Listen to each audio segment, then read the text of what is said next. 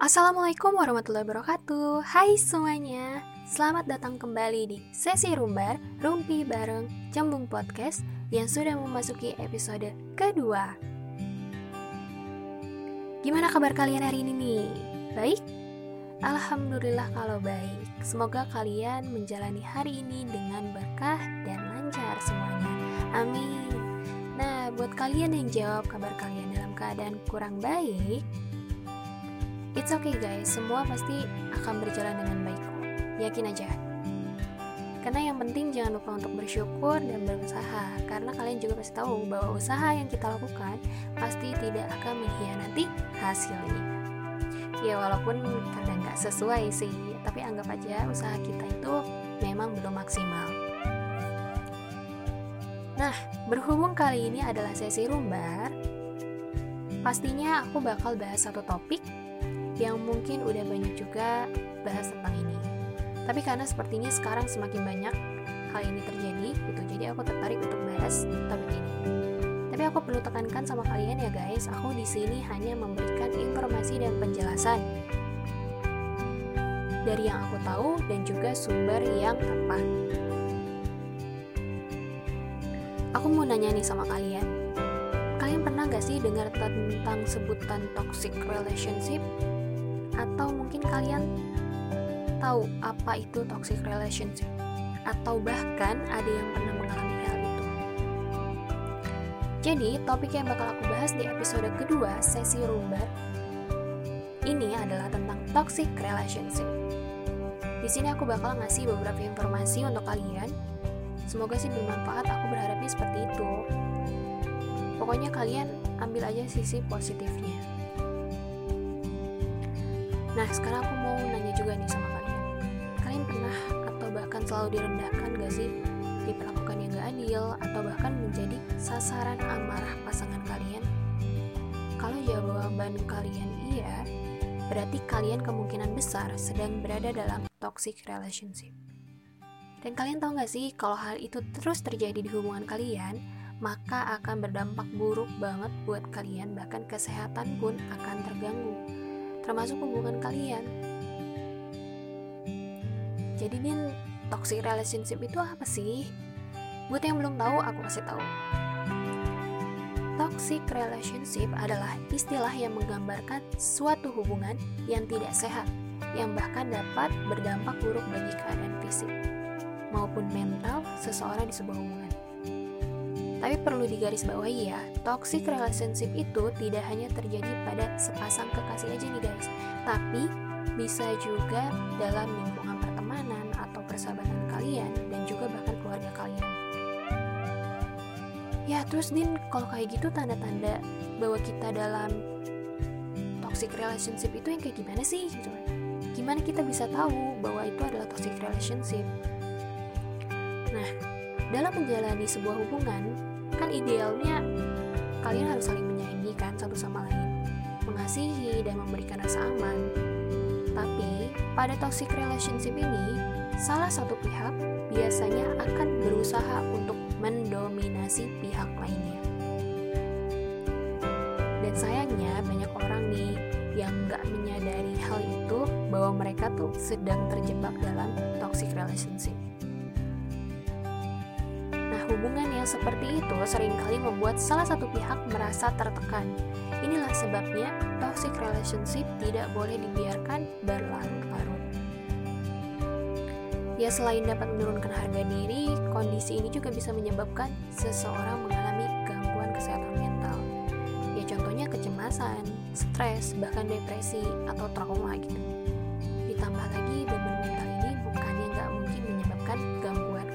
Fisik, misalnya gangguan psikosomatik. Nah, ada beberapa tanda nih toxic relationship yang bisa kalian temukan jika kalian ada di dalamnya. Pertama, akan selalu dikontrol oleh pasangan kalian. Ini adalah tanda yang paling terlihat jelas nih dari toxic relationship. Dan menurutku juga ini udah termasuk hubungan yang gak sehat gitu, terutama buat hubungan kalian sendiri ya. Aku berspekulasi bahwa pasangan kalian tidak menanam kepercayaan di dalam hubungan kalian ini. Jalani. Sebagai contoh dia gini, pasanganmu memaksakan kehendaknya dia terhadap kehidupan yang kamu jalani.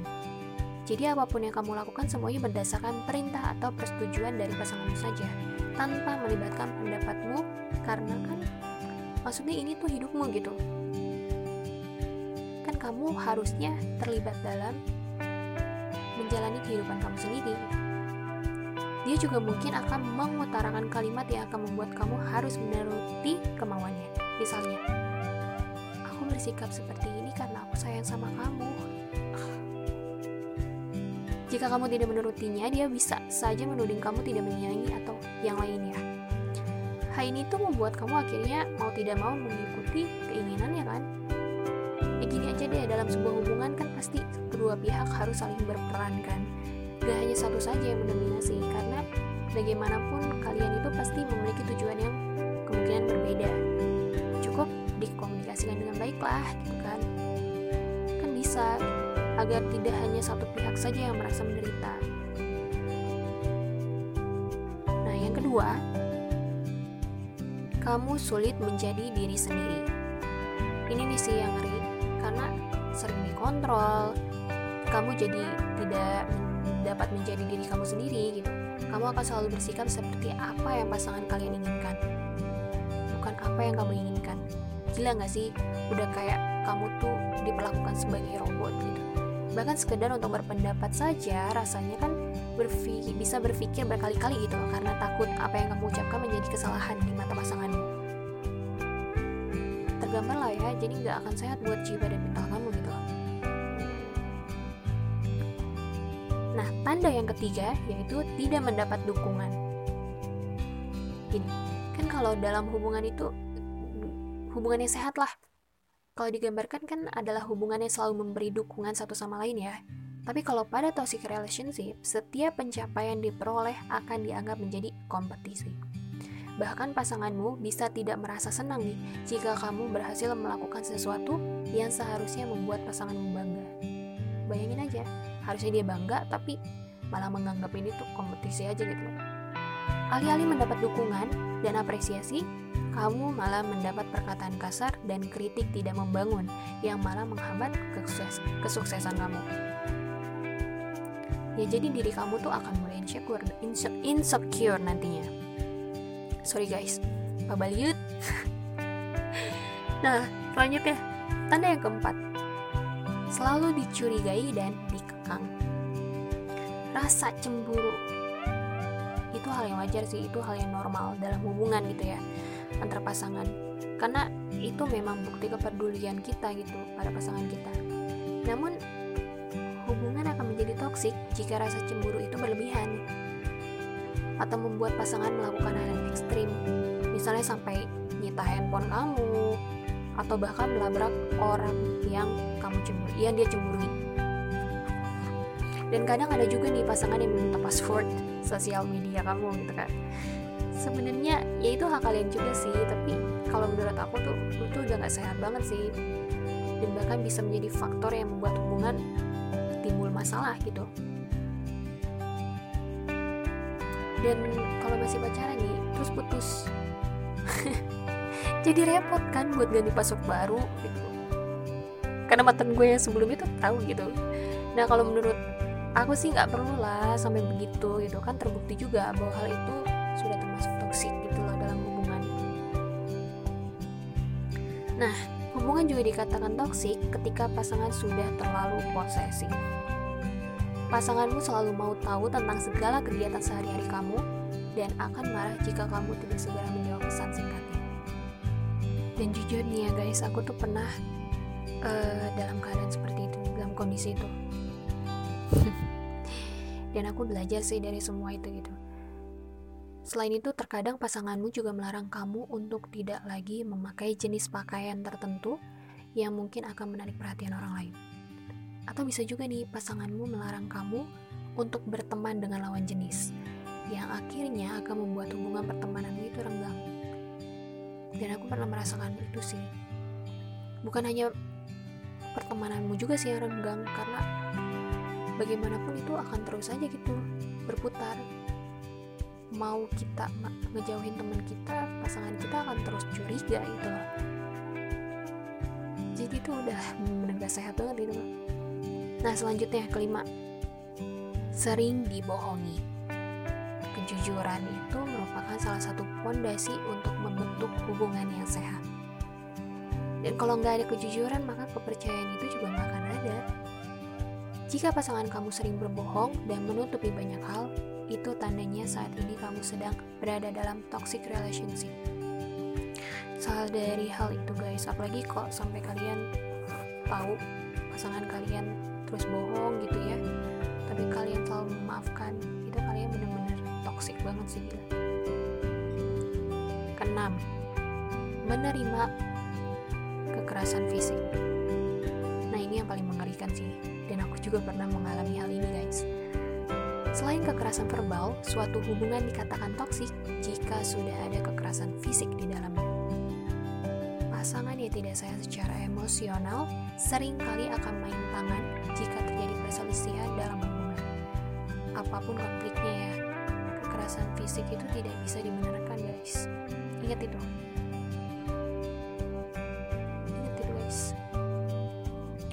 Dulu nih aku pernah mengalami hal ini gitu. Hanya perkara dia itu cemburu. Dia curiga kalau aku tuh punya hubungan sama teman laki-laki aku. Eh, gimana ya guys masa aku berhubungan sama teman aku gitu ya komunikasi? Dikatain aku selingkuh. Oh my god. Jadi akhirnya tuh dia nuduh dan marah bahkan sampai melakukan kekerasan verbal dan fisik jadi gini guys. Jadi uh, dia tuh karena aku waktu itu masih SMA kalau nggak salah. Aku ngalamin ini tuh pas SMA ya. Pas aku pacaran sama orang lah ada waktu SMA jadi dia tuh curiga gitu kan sama aku. Udah marah-marah gitulah di sekolah juga gitu. Terus kan aku biasanya kalau pulang bareng sama dia pakai motor Nah, aku tuh dibonceng sama dia kan. Duduknya tuh nyamping, guys. Ya apalah, karena aku pakai pakai rok ya.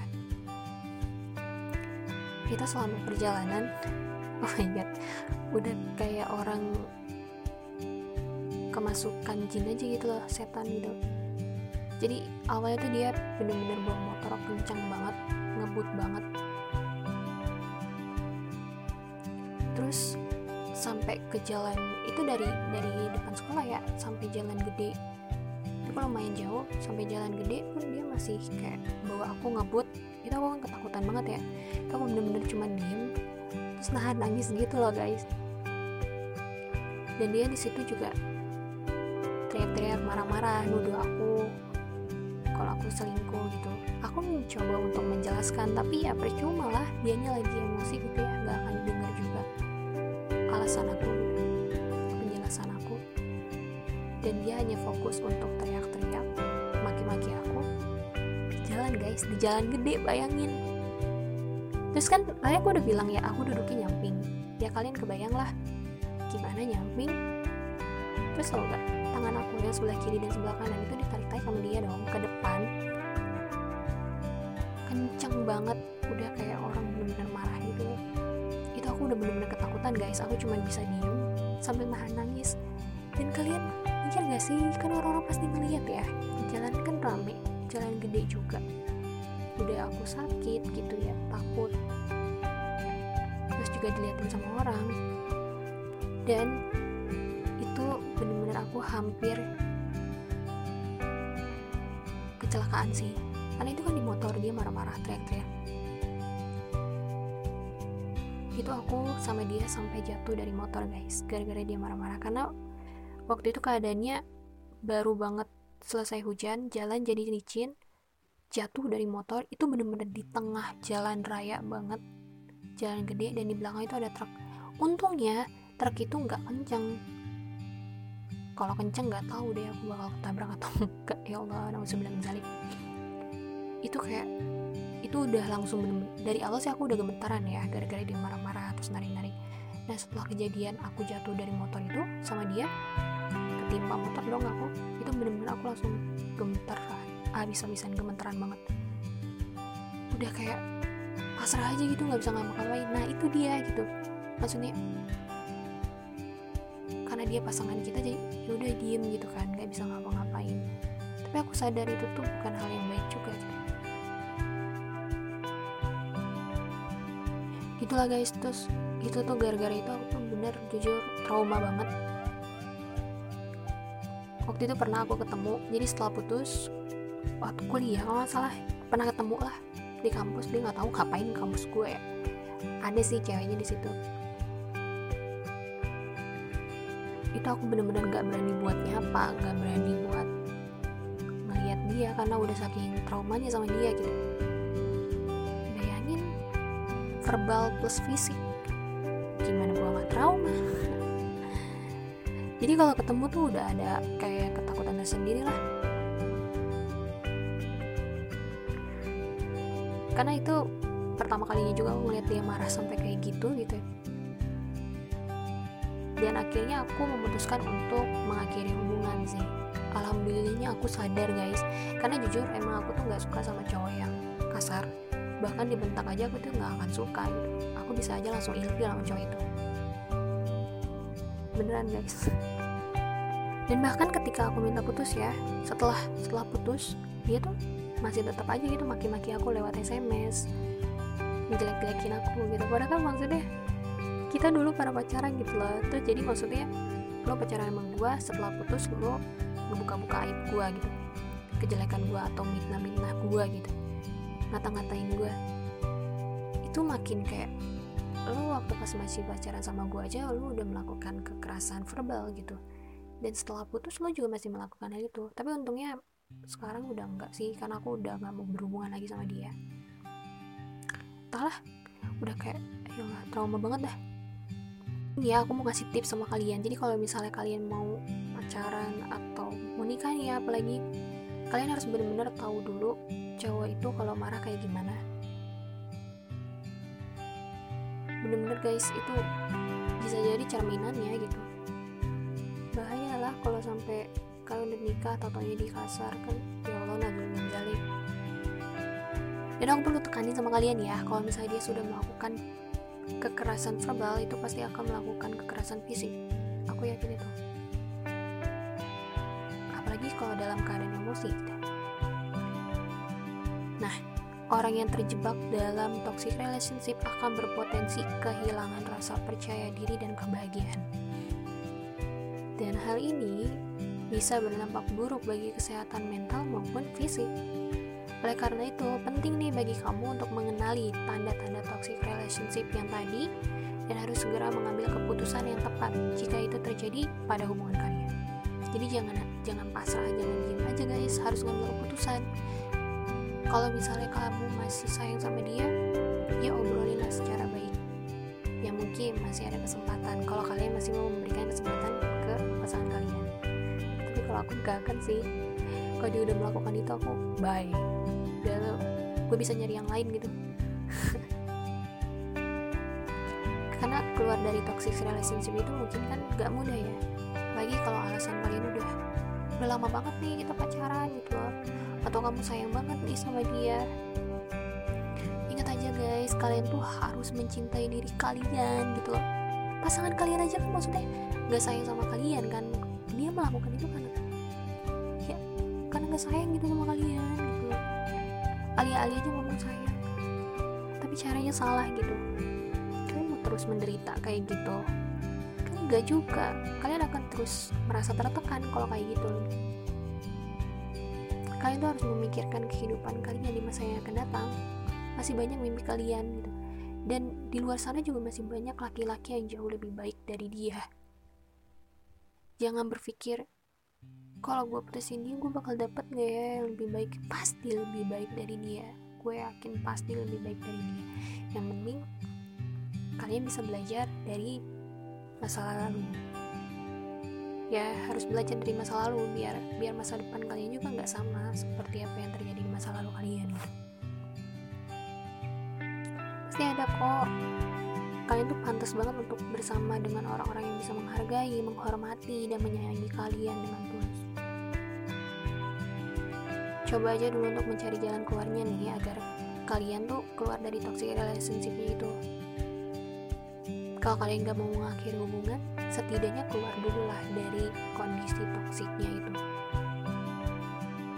Tapi kalau misalnya ngerasa kesulitan coba aja minta bantuan orang lain yang kalian percaya gitu. Atau bahkan perlu konsultasi ke psikolog. Tapi menurutku itu udah parah banget sih kalau psikolog untuk mendapatkan saran yang terbaik. Tapi kalau kalian merasa hubungan ini udah nggak bisa diatasi ya udahlah udah udahan aja lah. Lepas aja dia. Kalian bisa kok dapetin yang lebih baik guys aku aja bisa keluar dari zona itu kok. Kalian pasti bisa. Harus punya prinsip yang kuat ya kan? Oke mungkin segitu aja penjelasan aku mengenai toxic relationship. Semoga nggak nggak semakin banyak ya yang merasakan hal ini gitu. Kalian bahagialah jangan menyiksa diri kalian sendiri. Oke guys terima kasih udah mau mendengarkan sesi rumbar episode kedua ini semoga episode ini, episode ini bisa membuat pikiran dan hati kalian lebih aware terhadap diri kalian sendiri ataupun hubungan yang kalian jalani sekarang sampai ketemu di episode selanjutnya Have a nice day. Berkah semuanya. Bye. Wassalamualaikum warahmatullahi wabarakatuh.